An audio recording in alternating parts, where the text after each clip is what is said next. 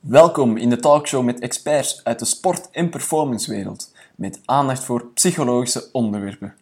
Uw host in deze podcast is Nathan Kahan. Vandaag zijn we in het Belfius Basecamp te Westkapelle, het trainingscentrum van onze landskampioen voetbal Club Brugge.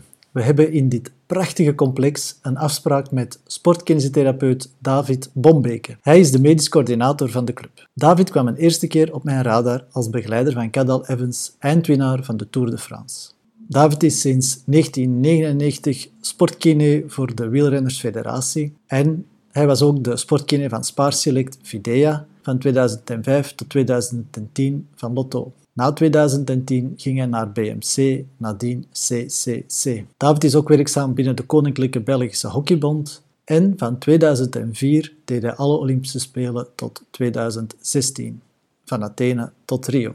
Hij richtte in 1996 een eigen praktijk op, Ref Training, ondertussen gevestigd in drie locaties, namelijk Antwerpen-Linkeroever, Knokke en Beveren. U hoort het, een man met bijzonder veel ervaring op alle niveaus. Laten we gauw overgaan tot het gesprek. Welkom David. Waar ben je nu mee bezig?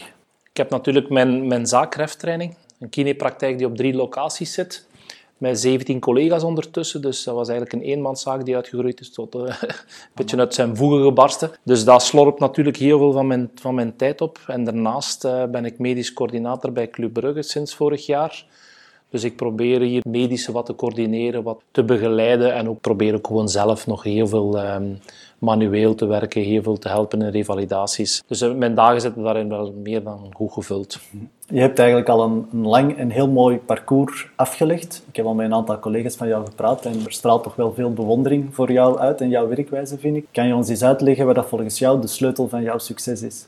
Ik, ik, denk dat ik het geluk heb gehad van met veel succesvolle sporters te werken. Dus ik wil ook altijd wel een beetje nuanceren. Wat, wat, is, wat is een succesvolle therapeut? Is vooral iemand die met succesvolle atleten werkt. En daarin heb ik inderdaad een mooie carrière afgelegd. Maar over mezelf nu te zeggen, wat zijn, wat zijn mijn sterke punten? Ik denk gewoon vooral dat ik een harde werker ben, dat ik altijd wel de lat voor mezelf hoog gelegd heb. Zowel op, op vlak van bijstuderen als van veel uren maken, als van, denk ik enorm beschikbaar zijn voor mijn, voor mijn sporters. Ik denk dat dat vooral de, de, de, de pijlers zijn waarom dat we inderdaad wel een, een drukke praktijk hebben en waarom dat ik denk ik wel door een aantal ploegen gevraagd zijn, is door gewoon uh, nuchter en, en hard werken. Was dat een houding die dat je van in het begin hebt uh, gehad of is dat iets dat je onderweg hebt jezelf aangeleerd? Ik denk dat ik dat een stuk van thuis uit meegekregen heb. Maar ook, ik, ik ben eigenlijk in een periode kinesist geworden. Ik ben afgestudeerd in 96 op het moment dat er eigenlijk veel te veel kinesisten waren. Waar iedereen nu afraadde, de, de, de PMS'en van die tijd raden af van doe geen kine, want ze kunnen die aan de straatstenen niet kwijt. En dan, als ik dan afstudeerde, zeiden ze van ja, maar begint geen eigen praktijk, want er zijn er veel te veel. En, maar ik wou alleen maar dat doen, dus... dus ik had toen wel voor mezelf van ja, als ik, als ik, als ik mijn plek wil veroveren op die markt, en ik had ook zo'n beeld van andere therapeuten die al werkzaam zijn. Die zijn, die zijn meer ervaren, die, hebben meer, meer, die kennen meer technieken. Dus ik had zoiets van, oké, wat moet ik daar tegenover stellen? Is, en is denk ik gewoon veel meer, veel meer passie proberen te tonen, veel meer, veel meer hard werken. Uh, dus ik heb dat eigenlijk vanaf dag één wel gedaan. Dus als, als er bij mij toen ik ben ook onmiddellijk mijn eigen praktijk gestart, omdat ik dat absoluut wou doen. En als ik een patiënt binnenkreeg, bij manier van spreken, ik liet die niet los. Ik, ik was dus drie keer zo lang met die patiënt bezig dan, dan de, de, de kinesist in de straat. Gewoon om proberen, proberen daar het verschil te maken. En dat, dat was vanaf het eerste moment zo? Dat, dat was uw, uw handelsmerk? Ja, ik denk dat wel. Ja. Omdat ik toen zoiets had van, ja, waarom gaan, gaan mensen naar de pas afgestudeerde kinesist gaan, die, die eigenlijk nog niet veel kan? Ja. die nog geen ervaring heeft. Dus probeer ik dat wel te ja. compenseren met, met, met gewoon hard werken en veel studeren. Hoe combineer je dat dan met je gezinsleven? Ik denk vooral een goede vrouw hebben die, die, die, die van in het begin meedenkt. En ik denk wat, wat daarin de, de sleutel van ons is, is, is zij heeft mij altijd zo gekend. We zijn ook al heel lang samen. Uh, zij heeft mij altijd zo gekend en we zijn er geleidelijk aan in gegroeid samen. Dus zij heeft ook eigenlijk nooit iets anders meegemaakt dan... En ook mijn kinderen zijn eigenlijk ook opgegroeid met, met een papa die, die heel veel van huis is, die heel veel weekends weg is en die heel laat thuis komt, heel vroeg vertrekt. Dus is dat ideaal? Nee, maar ik denk dat zij mij er gewoon in steunen, dat ze weten dat dat mijn passie is. Heb je je kinderen zien opgroeien dan? Ja, veel te weinig, dat is een cliché, maar goh, zoals iedereen hoopte dat van dat later wel goed te maken. Maar allez, ik heb ook wel altijd geprobeerd van naast hard werken ben ik er altijd wel 100% voor mijn gezin geweest. Ik kan dan een keer minder snel met vrienden gaan fietsen of zo, terwijl ik eigenlijk wel zin heb om te gaan fietsen, maar ik probeer wel de vrije momenten. En ik had toch altijd wel het gevoel uh, dat dat geapprecieerd werd door zowel mijn vrouw als de kinderen. Zou je je kinderen deze job aanraden? Uh, nee, dat heb ik ook al gedaan, want mijn, uh, mijn oudste dochter zit nu in haar tweede jaar universiteit. Ik had er dat wel... Allee, afraden kunnen niet doen. Ik vind het belangrijk is... Allee, in heel onze opvoeding hebben we altijd wel gezorgd dat ze vooral moeten doen wat ze graag doen. Op vlak van sport, op vlak van studeren, op vlak van, van vrije tijd. We proberen ze echt wel heel open en vrij op te voeden. En dus ook op vlak van studeren, maar ik heb toch altijd wel geprobeerd te sturen van niet in de richting van kinesiotherapie. Maar ze zit nu in haar tweede jaar geneeskunde, dus uh, ik denk dat ze ook wel vertrokken is voor een, uh, voor een, lange, een lange en zware carrière. Je zegt dat je heel veel tijd en betrokkenheid eigenlijk in je atleten, patiënten steekt. Hoe intens leef je dan ook mee? Ja, dat is natuurlijk denk ik anders dan twintig jaar geleden. Je hebt natuurlijk al veel meegemaakt. En ik denk dat beide, beide wel goed zijn. Hè. Dus ik denk dat ik twintig jaar geleden inderdaad misschien uh, emotioneler meeleefde. Wat denk ik wel, wel een, ook een voordeel is, dat, dat, dat, dat atleten voelen dat je enorm betrokken bent. Uh, het is niet dat ik nu minder betrokken ben, maar ik denk dat ik die emoties veel meer kan plaatsen. En ik denk dat het ook wel een voordeel is dat je door, door, door rust, sereniteit en, en, en ervaring uit te stralen, denk ik dat je daar dan weer... Dus, dus dat is wel geleidelijk aan van, hoe zou ik het zeggen, van heel passioneel meeleven naar nu iets, iets, iets beredeneerder. Maar ik doe het nog altijd even graag. Ik zou eigenlijk ook echt dat eerste lijns kine zo niet kunnen missen. Nog altijd niet. Wat bedoel je daarmee? Goh ja, dus echt zo meegaan, en whatever, welke sport dat ook is, maar meegaan op toernooien of meegaan aan wedstrijden, zo, dat is echt zo dat, dat echt eerste lijns er, zijn, vind ik nog altijd wel een van de tofste dingen in onze job. bijvoorbeeld, ik doe ook nog, ik, ik, doe heel graag revalidatie. Dat zijn eigenlijk de twee grote pijlers die ik doe. Dus het revalideren en, en echt de, de, de dagdagelijkse sportbegeleiding. Maar het, het, is anders natuurlijk. Het is een andere setting. Eh, je zit er anders bij betrokken dan, dan wanneer er een, de speler van een andere voetbalploeg bij mij in de praktijk komt. Is een, is een andere setting. Ik doe beide graag. Maar ik zei de, de, eigenlijk dat, dat echt meegaan met een ploeg of in een ploeg zitten, ja, kan ik nog altijd niet missen. En een uh, heel mooi voorbeeld en voor mij een, een, fenomenale prestatie daarvan vind ik het winnen van de gele trui van Cadel Evans. Ik weet niet meer juist in welk jaar. 2010. 11, 11 sorry. 2011. En ik denk dat je daar toch wel bij was van op de eerste rij. Kan je ons een inkijk geven daarin? één, hoe dat de belasting is die dat zo'n klassementsrenner dagelijks uh, meemaakt. En twee, wat dat jouw bijdrage dan is in, uh, in zijn prestatie. We zullen met eerste of tweede beginnen? Ja, ik denk vooral, ik zal met tweede beginnen eh, in die zin van dat verhaal met Cadel wel echt een, een uniek verhaal was. In die zin van dat wij elkaar leren kennen hebben in 2005 bij, bij toen nog David Amon Lotto en dat we onmiddellijk een klik hadden. En, en, dus ik heb eigenlijk wel, wel zijn verhaal van, van, van, van toen mee opgevolgd en wij zijn eigenlijk een beetje compagnons de route geworden. En kan je dan eens uitleggen wat dat voor jou betekent? We hebben een klik. Ja, de klik zat hem vooral... Uh, Cadel zocht, zocht in alles extremen en in alles details.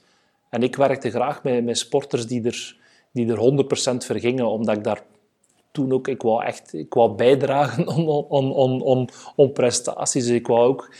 Uh, ik was toen echt wel maniacaal, denk ik, met mijn job bezig. En, en, en hij stond er ook volledig voor open.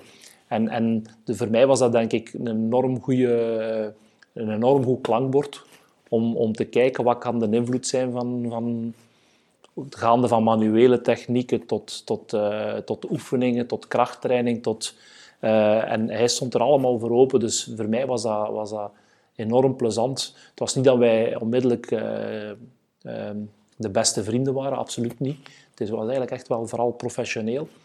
Dus, en, en dat is eigenlijk altijd maar intensiever en intensiever gegroeid. En hij was echt wel iemand ja, die extreem veel nood heeft aan structuur. Dus die ook heel weinig mensen vertrouwde. En dus daarin was mijn rol dan eigenlijk ook wel belangrijk. Dus wij, wij gingen eigenlijk samen ritten verkennen. We gingen samen op hoogtestage. Uh, dus ik mag zeggen, en dus we hebben eigenlijk ja, jaren gewerkt, uh, samengewerkt. Dus ik heb wel echt het gevoel dat ik, dat kunnen meewerken heb naar zijn droom. Het was ook iemand dat ik daarna eigenlijk nooit meer ontmoet. Iemand die, die zo maniacaal voor één droom leefde. Uh, van te zeggen, ik wil de Tour de France winnen. Die, want iedereen wil dat wel, alleen ze willen allemaal wel, wel, wel spits bij Barcelona zijn of, of, of, of wereldkampioen worden. Maar hij was echt iemand die vanaf zijn 16 jaar gewoon alles stond in teken van Wat ook misschien wel, wel zijn, zijn, zijn nadeel was, dat hij te maniacaal was en, en daardoor ook heel, heel vaak, denk ik, op, op belangrijke momenten. Maar was iemand die gewoon één doel had en dat was wel leuk dat je daarop kon bijdragen. En was jij dan een persoon die dan mee voor die structuur zorgde? Of was jij iemand die dat hem ook afschermde? Of? Ja, hij had, ik denk dat het afschermen een, deel van zijn structuur was. Hij, hij, kon heel moeilijk, denk ik, met veel mensen goed contact leggen. Dus ik denk dat we gewoon bij hem moesten proberen van, van niet te veel triggers binnen te krijgen. Dus ik speelde inderdaad vaak wel de rol van hem, van hem af te schermen. En daar voelde hij hem ook goed bij. Zo. De meeste andere renners hebben dat niet nodig, maar hij was ja, sociaal misschien niet de, de meest open persoon. Dus het, het, naar, bijvoorbeeld ook naar, naar uh, hoe zou ik het zeggen, omgaan met stress was het eigenlijk best dat we hem zoveel mogelijk afschermden. Dat ik voor hem, ik, ik zei dikwijls, ik denk voor hem. Ondanks dat hij een super verstandige gast is, maar hij was 100% met zijn job bezig. Dus, en hij liet al de rest liet hij, bij manier van spreken aan, aan mij over. En is dat dan een, een houding die dat je hebt aangenomen omdat je voelde dat dat op dat moment het beste was? Of is dat iets wat hij gewoon vanuit zijn veelijzendheid verlangde van jou? Of? Ja, niet verlangde, hij heeft dat nooit niet uitgesproken, maar ik voelde dat wel, ja, inderdaad. En dat is, dat is ook wel een... Maar ik vind dat dat ook een stukje job is. Dat is een houding inderdaad die ik aangenomen heb. Ik ben niet van nature zo iemand die iemand gaat beschermen, of ik ben ook niet de, de, de meest gestructureerde persoon in de wereld. Maar, maar ja, in mijn job kan ik dat wel. Ik denk dat ik in mijn job ook probeer heel gestructureerd te werken, ondanks dat ik van nature uit denk ik eerder een chaot ben. Ik zie in de sportwereld toch nog altijd dat eens een bepaalde werkwijze gelukt is, dat mensen dan dat gaan blijven toepassen. Het is niet omdat dat bij jou toen bij Cadal de werkwijze was, dat je vanaf nu zo altijd Nee, nee tota-, allee, totaal niet. Ik denk dat het vooral inderdaad proberen aanvoelen is. Allee, je, probeert altijd, je zit altijd in een ondersteunende rol als, als, als, als kinesist. dus je probeert jezelf weg te cijferen in die zin dat je het gevoel hebt waar kan ik best toe bijdragen tot succes. En bij, bij sommigen is dat bij sommigen ben ik... Uh, probeerde heel veel humor te brengen, probeerde heel veel sfeer te brengen. Ja, bij anderen zit het rustig, dus ik denk dat dat toch wel een belangrijk stuk is van ons job. En ik probeer er wel over na te denken. Ik zal niet zeggen dat ik misschien altijd de beste strategie gebruik, maar ik probeer er echt wel bewust over na te denken waar, dat ik, waar en bij wie dat ik me gedraag. Knap. dat is niet evident, denk ik. Ja, ja maar ik vind dat... Allez, dat is in elke job belangrijk, maar toch, ja, wij zijn, zijn met mensen bezig. We zijn, je bent vaak met mensen bezig die moeten omgaan met prestaties. Je bent vaak bezig met mensen die moeten omgaan met pijn. Dus ik denk dat het belangrijk is dat je, dat je inderdaad daar, dat, je dat, stuk meeneemt. Uh, enorm belangrijk. Hè? Hoe dat je de patiënt begeleidt in een traject naar return to sport of to return to play is enorm belangrijk. Dat je gaat nadenken van hoe kan ik hem aanpakken waardoor hij toch best progressie maken. Een vorige gast, zwemcoach Ronald Klaas, zei dat de kine in zijn team door zijn voortdurende aanwezigheid eigenlijk de rol van psycholoog op zich neemt. Zie jij dat ook zo? Ik begrijp het 100%. Ik denk dat wij inderdaad vaak het, het, klankbord zijn voor, voor, voor, voor, atleten. Ze gaan sneller zeggen, omdat ze vaak op tafel liggen bij jou. Ze gaan sneller zeggen tegen ons dan tegen de coach. Dus, en, en dat klopt. En ook daarin probeer ik echt wel, wel ik vind dat ook een belangrijk stuk van mijn job. Wat wel zeggen tegen een speler, wat wel gaan zeggen of niet zeggen tegen de coach. Ik denk dat ik daarin, allee, mag ik toch wel zeggen, veel ervaringen heb en dat ik dat ook wel al, jaren probeer goed te doen. Dus ik denk dat ik toch probeer... Ik steek, enorm veel energie in hoe dat communiceer, zowel naar, naar mijn sporters toe als naar, naar coaching of management staf. Ja, ik vind dat een enorm belangrijke rol. Ja. En wat is jouw visie dan in die werkwijze? Ik denk dat het enorm belangrijk is als je... Als je er zijn verschillende facetten, maar ik zal nu even spreken over in een, in een club of in een ploeg. Vind ik het enorm belangrijk dat ik altijd de normen en de waarden van de, van de club uitstraal naar de spelers toe. Dus ik vind, je zit vaak moeten proberen zijn, eh, op dat vlak psychologisch dan een buddy te zijn, maar je moet ook niet volledig meegaan in, in het verhaal. Dus ik denk dat altijd wel, dus ik denk dat het enorm belangrijk is dat je altijd wel rekening houdt, dat ik zeg, je zet, je zet betaald of ingehuurd door de club of door de ploeg. Dus ik vind dat je de normen en de waarden moet verdedigen en uitstralen. Maar langs de andere kant moet je wel op de juiste momenten luisterend oor zijn.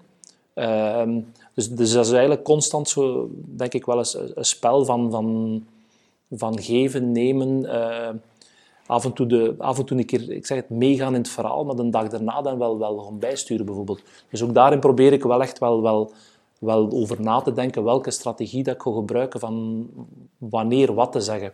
We hebben door ons enthousiasme. Het eerste deel, namelijk de belasting die dan de klassementsrenner... Ja. Kan je daar nog iets over vertellen? Want dat is wel... Ik denk niet dat mensen goed beseffen wat nee. dat is om, om drie weken lang moeten voor die, die, die te rijden. Ja, dat is, um, ik denk dat inderdaad niemand, niemand beseft hoe zwaar dat gewoon sowieso al is van 21 ritten te rijden, om te gaan met die vermoeidheid, een dag daarna terug opnieuw starten.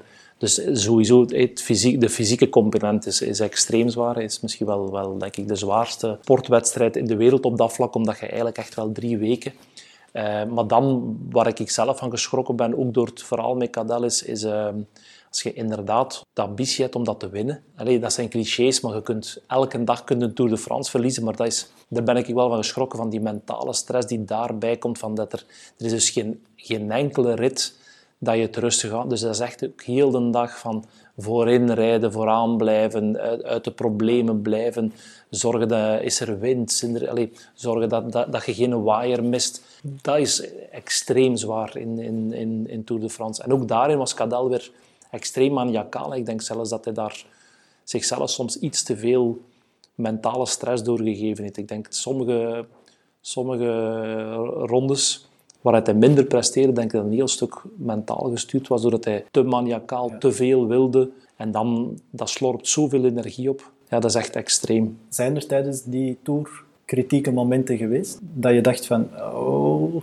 dit wordt vervelend? Ja, ja. En, en ik bedoel, ik heb denk ik twaalf, twaalf keer de Tour de France gedaan. Dus je komt enorm veel momenten tegen waar je denkt van oei, nu is het, nu is, nu, nu is het schip ontzinken. Maar op een of andere manier kijk, ik daar wel op. Zo, dat vind ik echt zo... De, dat probeer ik ook altijd tegen mijn jongere collega's te zeggen. Op het moment dat alles goed gaat en zo, dan is ons... Allez, dan kan iedereen kinesist... Ik zei altijd vroeger...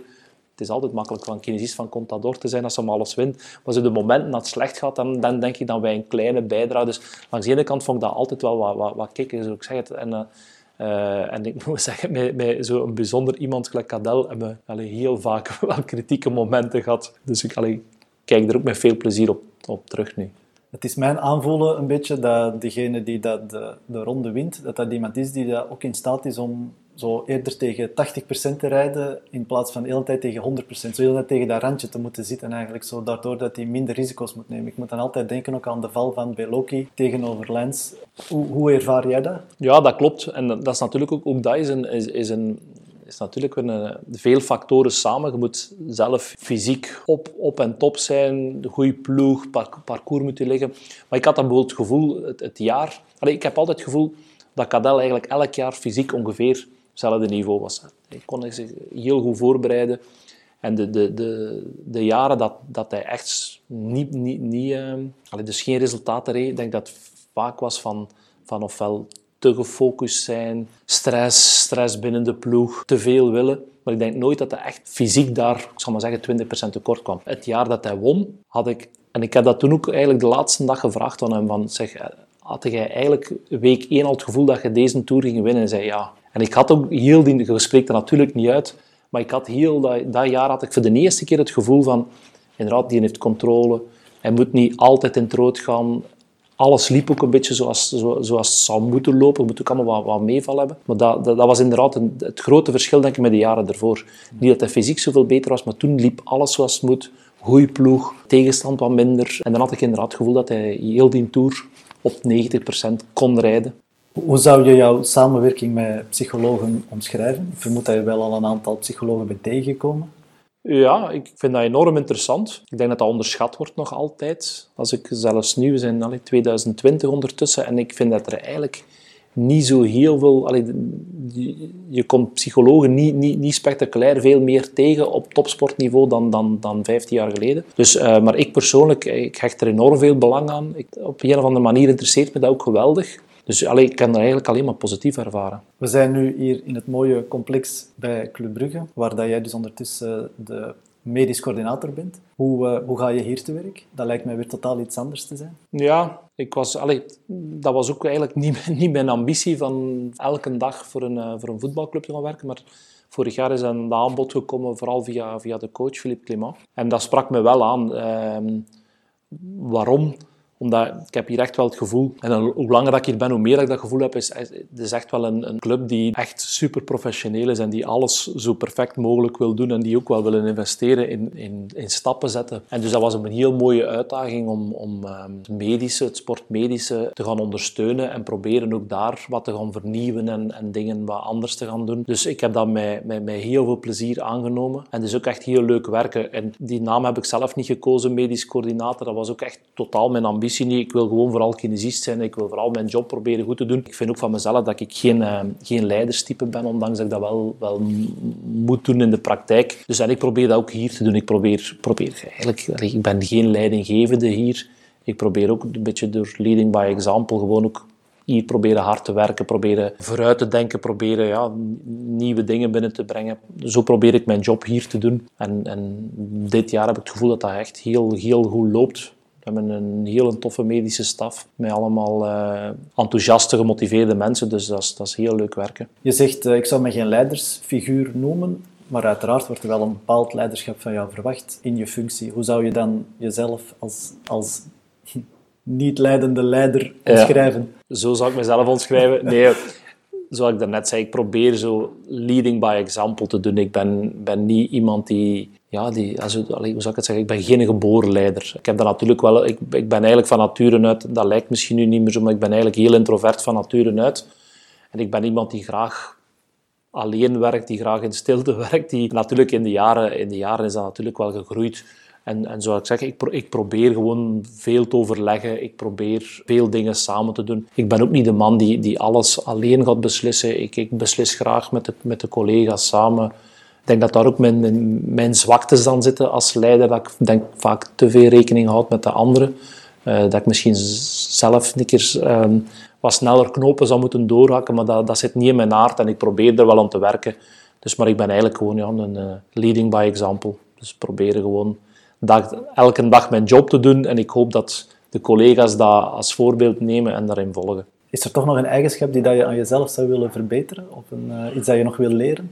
Ja, ik zou nog, nog, nog graag um, meer gestructureerd zijn. Ik ben altijd jaloers op mensen die heel goed voorbereid bijvoorbeeld aan een vergadering beginnen of zo. Dat zit er echt bij mij niet in. En dat krijg ik ook echt niet aangeleerd op een of andere manier. Dus ik ben, ondanks dat ik, ja, ik zeg al 15 jaar, van, bijvoorbeeld als we een vergadering hebben, oké, bereid, bereid die goed voor. Op een of andere manier wil ik toch altijd zo'n moment afwachten en vanuit, vanuit mijn gevoel dan gaan beslissingen nemen. Alleen wat op zich mij geen windeieren heeft, heeft uh, opgeleverd, maar dan, dan mis ik wel om mezelf zo wat, wat meer structuur er bestaat een fenomeen, ze noemen dat FOBO, dus niet FOMO. In hetzelfde artikel dat de FOMO ooit omschreven is, had men het ook over FOBO, en dat betekent Fear of a Better Option. Dus dat je eigenlijk voortdurend de opties wilt openhouden, en als je kiest voor een optie, dan betekent dat dat je de andere opties niet kan doen eigenlijk. Ja, daar kan ik mezelf wel inderdaad wel, wel in, in herkennen, ja. Voetballers worden soms nogal afgeschreven als uh, mensen die daar op een heel eenvoudige manier heel veel geld uh, verdienen. Nu, wat ik toch gezien heb, dat is dat heel veel voetballers na hun carrière toch met, met grote fysieke problemen nog zitten eigenlijk. Eh, de impact van tackles, van luchtgevechten, van de dagelijkse trainingen, die is toch wel immens. Ja. Um, hoe zie jij dat als kind? Ja, dat wordt, dat wordt inderdaad ook zwaar onderschat. Ik heb altijd twee werelden gecombineerd, dus ik heb altijd wel in het voetbal gezeten. Ook in de praktijk altijd heel veel voetballers begeleid. Ik kom natuurlijk uit wielrennen, waar het heel, heel bon ton is om, om, om te lachen met, met, uh, met, met, met, met de voetbal en, en, en met hun fysieke mogelijkheden. Maar zij snappen inderdaad niet wat, wat een contactsport is. De, de, de zuivere fysieke parameters zijn, zijn anders. Maar het is, het, is, het, is, het, is een, het is een heel explosieve sport, wat, wat door, door, door veel mensen wordt onderschat. er komt heel veel veranderen van bewegingsrichting bij, stoppen, starten uh, en dan inderdaad de contacten.